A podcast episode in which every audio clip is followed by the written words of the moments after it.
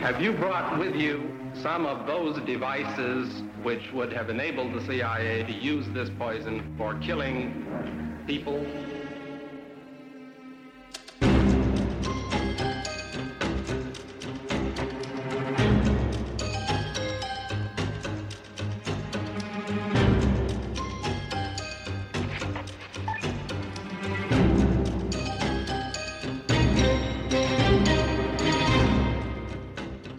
Back in the Cold War, we used to worry about the 10 foot tall Russian. He did not appear uh, at the end of the day to be uh, anywhere near that. Du lytter til det hemmeligste af det hemmelige. Mit navn det er Anders Christiansen, og med i studiet er dokumentarist Christian Kirk Muff. And the, uh, the Russians have uh, uh, grossly uh, underestimated their enemy. They have grossly underestimated the uh, difficulty in maneuver in Ukraine, and we're seeing that play out on a daily basis. Det her program, ikke? Ja. det handler jo om hemmelige efterretningstjenester, og så handler det om efterretningstjenesternes hemmeligheder. Ja. Og i Rusland, der har de jo selvfølgelig også en, der hedder FSB. Ja. Ja, det er vel KGB. Det er Så, KGB. Det er KGB. Ja.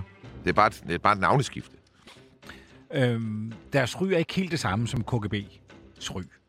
Nej, det er der ikke så meget, der er i Rusland, Nej. som det var i gamle dage. Nej. Og grund til, at vi egentlig snakker om FSB, vi skal snakke om mange ting om, om Rusland og Ukraine. Vi kan jo ikke lade være med at snakke om det. Det er fuldstændig idiotisk at Ja. sidde og snakke om noget andet. Øh, men det er jo blandt andet, for der er kommet et, et ret troværdigt læk.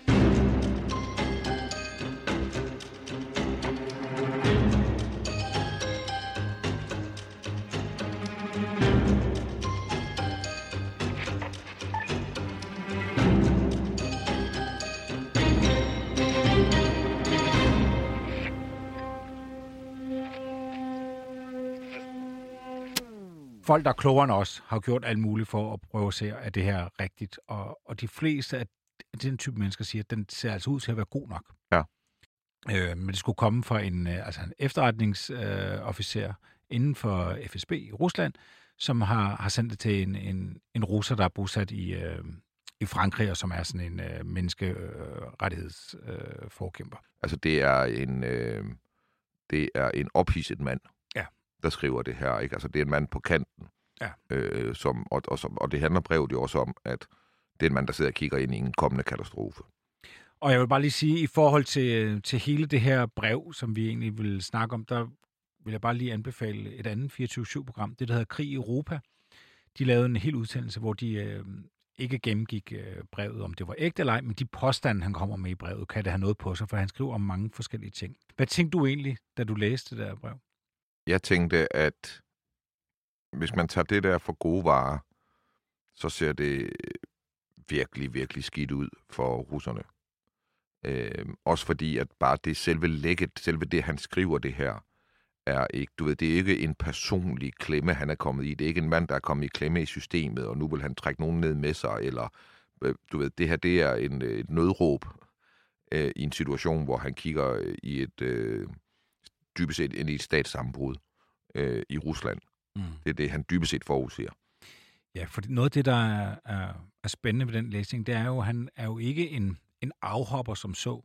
Han skriver jo fra et russisk perspektiv, og han, han, og han klager jo over, hvor dårligt russerne klarer sig. Det er jo ikke sådan, at han siger, at nødvendigvis at det er moralsk forkasteligt, det de har gang i. Nej, nej. Men han, Det forholder han sig slet ikke til, det der. Nej, det handler bare om, hvor, hvor dårligt de er organiseret, hvor, hvor, hvor dårligt det hele står til. Og, og uden at vi skal gå for meget ned i de enkelte ting, så noget af det, han, han taler om, det er jo, at han, han er bange for, at der simpelthen øh, kommer hungersnød i store dele af verden, på grund af at så meget af hvideproduktionen kommer fra Sortehavsområdet. Jeg tror, 11 procent kommer fra Ukraine, og 19 procent fra Rusland af verdens samlede hvedeproduktion. Han siger hele deres strategi, øh, strategi om, at der skulle være en blitzkrig, altså hurtigt ind, hurtigt tage Kiev, hurtigt afsætte øh, Mhm.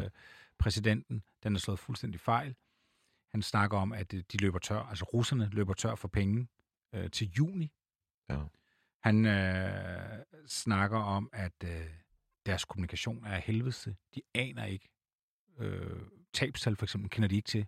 Der er ikke nogen, der har, der er ikke nogen i Rusland efter den her øh, efterretningsagents overvisning, der har et overblik over, hvor mange mennesker, altså mange russere, Ja. øh, dør i den her krig. Og så snakker han om noget, der er jo sjovt i vores øh, univers, det er, vi snakker meget om hemmeligheder. Og han siger, at et af de problemer, de oplever, det er, at det har været så hemmeligt, at Rusland skulle invadere Ukraine. At han for eksempel ikke har vidst det. At der er alle mulige, der ikke har vidst det. Og det her hemmelighedskommeri rammer dem selv i nakken. Altså hemmeligheder er ikke kun... Altså kan også være en hemsko. Fordi de ved ikke, hvad de er i gang med. Nej. Og de, der er ikke nogen, der kan agere på egen hånd. Der er ikke nogen, der kan tage et initiativ, baseret på, at man har forstået en strategi. Altså, det er jo noget af det, som, som, øh, som er virkelig slående i det her, og som vi kommer til at vende tilbage til også, som, som er, hvad er grunden til, at han har gjort det? Altså, der, der lyder forskellige grunde, altså både fra ham selv og fra hans efterretningschef, og som vi skal snakke om senere, fra den ortodoxe kirke osv. Hvad er det strategiske mål med at gøre det her? Mm. det står ikke klart, det er ikke klart formuleret, og, og det lader heller ikke til, at herrens øh, forskellige dele forstår det. Øh, og det gør det jo svært, hvis du står ude i marken og har mistet kommunikation, så selv at kunne tage en fornuftig beslutning. Fordi Mm. hvis du ikke ved, hvad vej du skal, hvad handler det her om, hvorfor er jeg her? Mm. Og det lader jo til, at det der føreren selv herren bag lyset, er jo, øh, har jo taget sådan et omfang, at angiveligt så skulle flere soldaterne ikke være klar over, at de var inde i Ukraine, før de blev gjort opmærksom på det. Nej. Og, og noget af det, der også har været overraskende, synes jeg, det er jo, hvor, hvor nemt det har været for, for Vesten og ukrainerne at opfange øh, den russiske kommunikation. Ja. Det virker faktisk som om, at, øh, at de veste, vestlige efterretningstjenester har faktisk vidst alt. Ja, ikke De- bare... Jamen, det er virkelig. Og, og vi har set en helt ny strategi fra dem.